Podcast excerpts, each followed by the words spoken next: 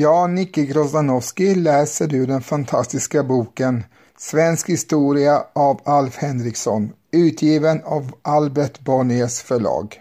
Kung Valdemar År 1273 flyttade Sveriges rikes ärkebiskop med påvlig tillåtelse till Östra Aros från Gamla Uppsala, där det började bli glest med folk i hans kyrka. Det folkrikare Östra Aros, där man redan hade lagt grunden till en ny katedral, blev i samband med förflyttningen omdöpt till Uppsala.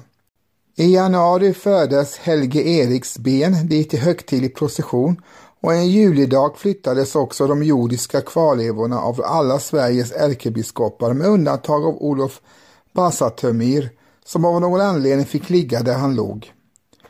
Vid tiden för denna händelse befann sig den siste svenske jarlen inte längre i livet. Valdemar, befriad från hans förmyndarskap, styrde med kunglig myndighet över större delen av landet. Men dennes bror Magnus satt i Nyköping såsom regerande hertig av Sörmland och sämjan mellan bröderna var inte den bästa. Den glada drottning Sofia ogillade mycket sin svåger och gav honom öknamnet Kettlaböter, Kittlebotan, därför att han var mörklagd och något mager, upplyser rimkrönikan. Nu hände det sig just det året då ärkebiskopen flyttade till Uppsala att hon fick besök av sin yngre syster Jutta som hade lämnat det sanska klostret där hon var nunna. Hon var vacker som en ängel och kung Valdemar som var en stor fruntimmerskarl blev genast mycket betagen i henne. Mot slutet av året nedkom Jutta med en son och drottning Sofia var oklok nog att offentligen visa vad hon kände, varigenom skandalen blev fullständig. Jutta återvände till Danmark och gömde sig i ett kloster där hon dog vid unga år och den kungliga barnafadern tvangs att företa en pilgrimsresa till Rom för att utverka påvlig absolution för sin förbrytelse. Hertig Magnus urklät säkerligen inte att utnyttja situationen till sin fördel och vid Valdemars hemkomst kom osämjan mellan bröderna till utbrott och övergick snart i öppen fejd. Med en trupp hanesklädda ryttare som anfördes av den mångbesjungde Mask Stig och hade ställts till hans förfogande av danske kungen Erik Klipping bröt Magnus in i Västergötland och vid Hova i Tiveden mötte han den kungliga svenska bondehären som besegrades i grund. Valdemar som lät ha avvaktat slagets utgång med att sova middag i Ramundeboda flydde västerut men infångades i Värmland. Han frigavs dock snart och återfick väldet över Götalandskapen. Men Magnus lät kröna sig och tog hand om huvuddelen av riket. Nu var det Valdemars tur att söka stöd hos Erik Klipping som under tiden hade råkat i tvist med Magnus om betalningen för sina ryttare. Denna konflikt bildades efter diverse krigiska företag i Småland där Växjö gick upp i lågor. Men året därpå råkade Magnus istället i strid med några missnöjda svenska herrar som tillfångatog hans drottning Helvigetton och hans svärfar hertigen av eh, Holstein på slottet Järlakvist i trakten av Skara. Sedan dessa motståndare hade nödgats släppa sina fångar och lockats att möta honom själv på slottet i fråga, där de ofördröjligen blev arresterade. De avrättades inom kort, men märkligt nog inte efter svensk lag utan efter romersk rätt. Satt Magnus emellertid äntligen säker på sin tron. Valdemar avsattes under dessa oroligheter helt och hållet. Han fick behålla friheten under ytterligare några år men omhändertogs slutligen och hölls sedan i fängelse på Nyköpingshus i decennier. Ty han överlevde sin segerrike broder länge. Hans tillvaro tycks inte ha varit alltför oangenäm, ty det finns uppgifter om namnen på en rad damer med vilka han i tur och ordning sammanbodde med.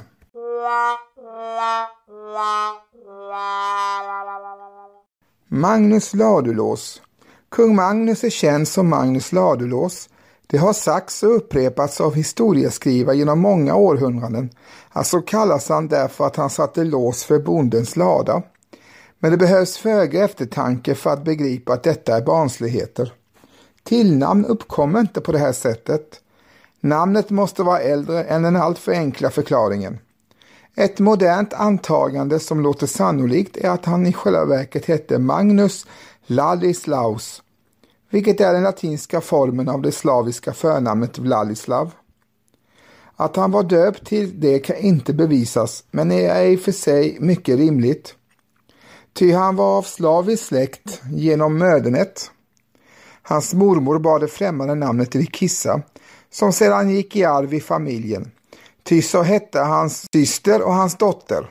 Emellertid är det ändå i någon mån sant att kung Magnus satte lås för bondens lada. Han utfärdade nämligen förbud mot våldgästning och utvidgade och skärpte överhuvudtaget den lagstiftning som hade inletts med Birger Jarls fridslagar. Det skedde genom en skrivelse som kallas Alsnö stadga, vilket inom kort följdes av den nästan lika viktiga Skänninge stadga, som bland annat förbjöd varje slag av självhämnd. Båda dessa stadgar innehåller emellertid i främsta rummet påbud av politisk snarare än juridisk art. Genom den förstnämnda infördes sålunda världsliga frälset i Sverige. I det att kungen och biskoparnas män samt sådana privatpersoner som åtog sig att på egen bekostnad göra krigstjänst till häst fick skattefrihet för sina gårdar. Arrangemanget anses till en början ha befrämjat ståndscirkulationen eftersom frälse stod öppet inte blott för medlemmar av gamla stormannaätten utan för en var som hade råd att hålla sig med häst och rustning. Men i längden ledde det naturligtvis till en allt skarpare gränsdragning mellan samhällsklasserna. En svensk adel i senare tiders mening uppkom på grundval av de skatteprivilegier som beviljades kavaristerna på Magnus Ladulås tid. Även prästerskapet utvecklas i hans dagar allt mer till ett särskilt privilegierat stånd.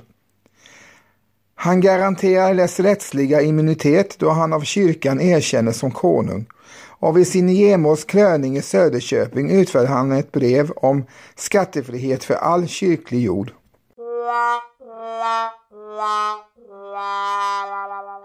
Ärkebiskopen som förrättade kröningen hette Jakobs Israelis och var för sin del ointresserad av jordiska rikedomar. Omedelbart efter ceremonin avsade han sig frivilligt sitt ämbete och levde sedan ett, ett grubblande liv varjämte han skänkte sin gård, Biskopskulla till Uppsala domkyrka, att ävenligen underhålla sex korgossar.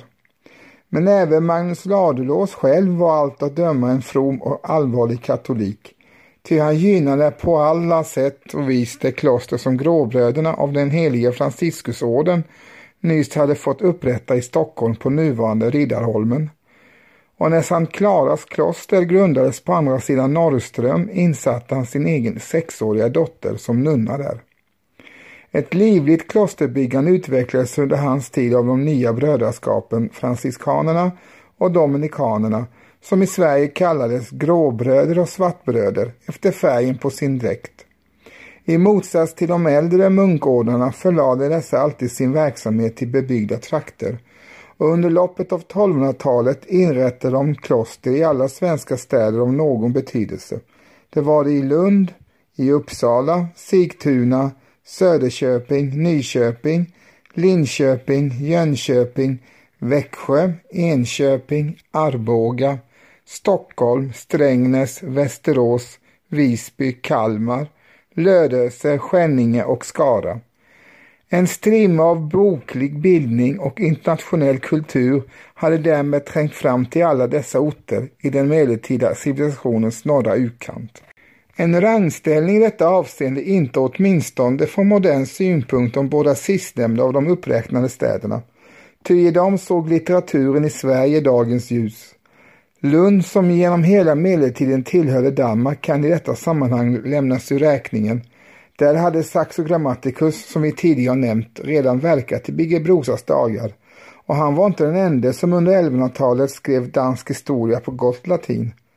Men när det gäller egentliga Sverige någon mansålder senare nåddes av kulturvågorna söderifrån hade tiden ömsat skinn och att berätta om denna världens gång på livfull prosa var inte längre en uppgift som kunde intressera andans män. Som Sveriges första författare har man brukat beteckna dominikaniermunken Petrus de Dacia, lektor vid klosterskolan i Skänninge. Han skrev på tidens internationella språk en biografi över det tyska helgonet Kristina von Stommelen. En ung flicka som har personligen lärt känna och älska med svärmisk glöd. Blott något tiotal yngre än Petrus de Dacia var den första svenska poet vars verk finns i behåll. Hans namn är Brynolfs, biskop i Skara genom 40 år under Magnus Ladulås och hans söners tid.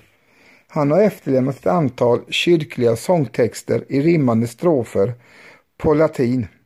Brynolfs, som på svenska hette Brynolf Algotsson och tillhörde en av landets mest inflytelserika ätter, stod inte i något gott förhållande till Magnus Ladulås. Ty denne lät fängsla hans far och avrätta en av hans bröder. Det skedde sedan den sistnämnda hade varit med om att ur Vreta kloster bortröva en flicka som älskas av en annan broder ur Algotssönernas krets, vilken rymde med flickan till Norge. Historien används av Werner von Heidenstamp i romanen Folkungaträdet.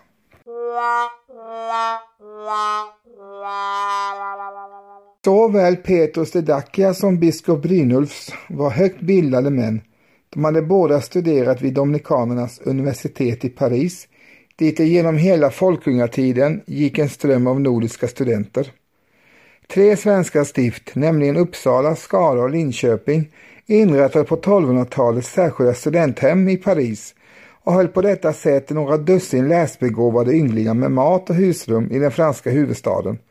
Ett så positivt intresse för studie och lärdom visade sällan deras hemlands myndigheter i den sena tider, då medeltiden brukar kallas mörk. Emellertid är det klart att den katolska teologins hårdnande grepp om sinnena även hade sina mindre tilltalande sidor. Redan år 1311 utspelades sålunda den svenska medeltidens enda egentliga kätteriprocess. Upplandsbonden Bo Tolfi i Gottöra hade förnekat brödets och vinets förvandling till i altarets sakrament och sagt att för övrigt vill han inte äta Guds lekamen, lika lite som han ville vara äta människokött. Då han inför sina andliga domare vidhöll att han fann saken orimlig överlämnades han till den världsliga rättvisan, alltså som djävulens lem brännas på bål. Hur det sedan gick finns det inga uppgifter om, men förmodligen gick väl straffet i verkställighet.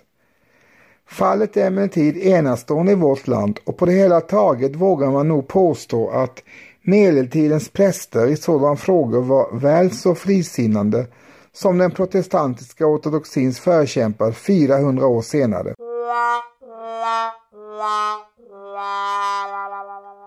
Även den materiella kulturen i det medeltida Sverige stod nog högre än vad senare släkten vanligtvis har varit benägna att tro. Från tiden för Magnus Ladulås död härrör den första arabiska siffra som veteligen är skriven här. Det är en fyra och den står i en förteckning som den blivande ärkebiskopen Nils Allison upprättade över Uppsala domkyrkas tillhörigheter.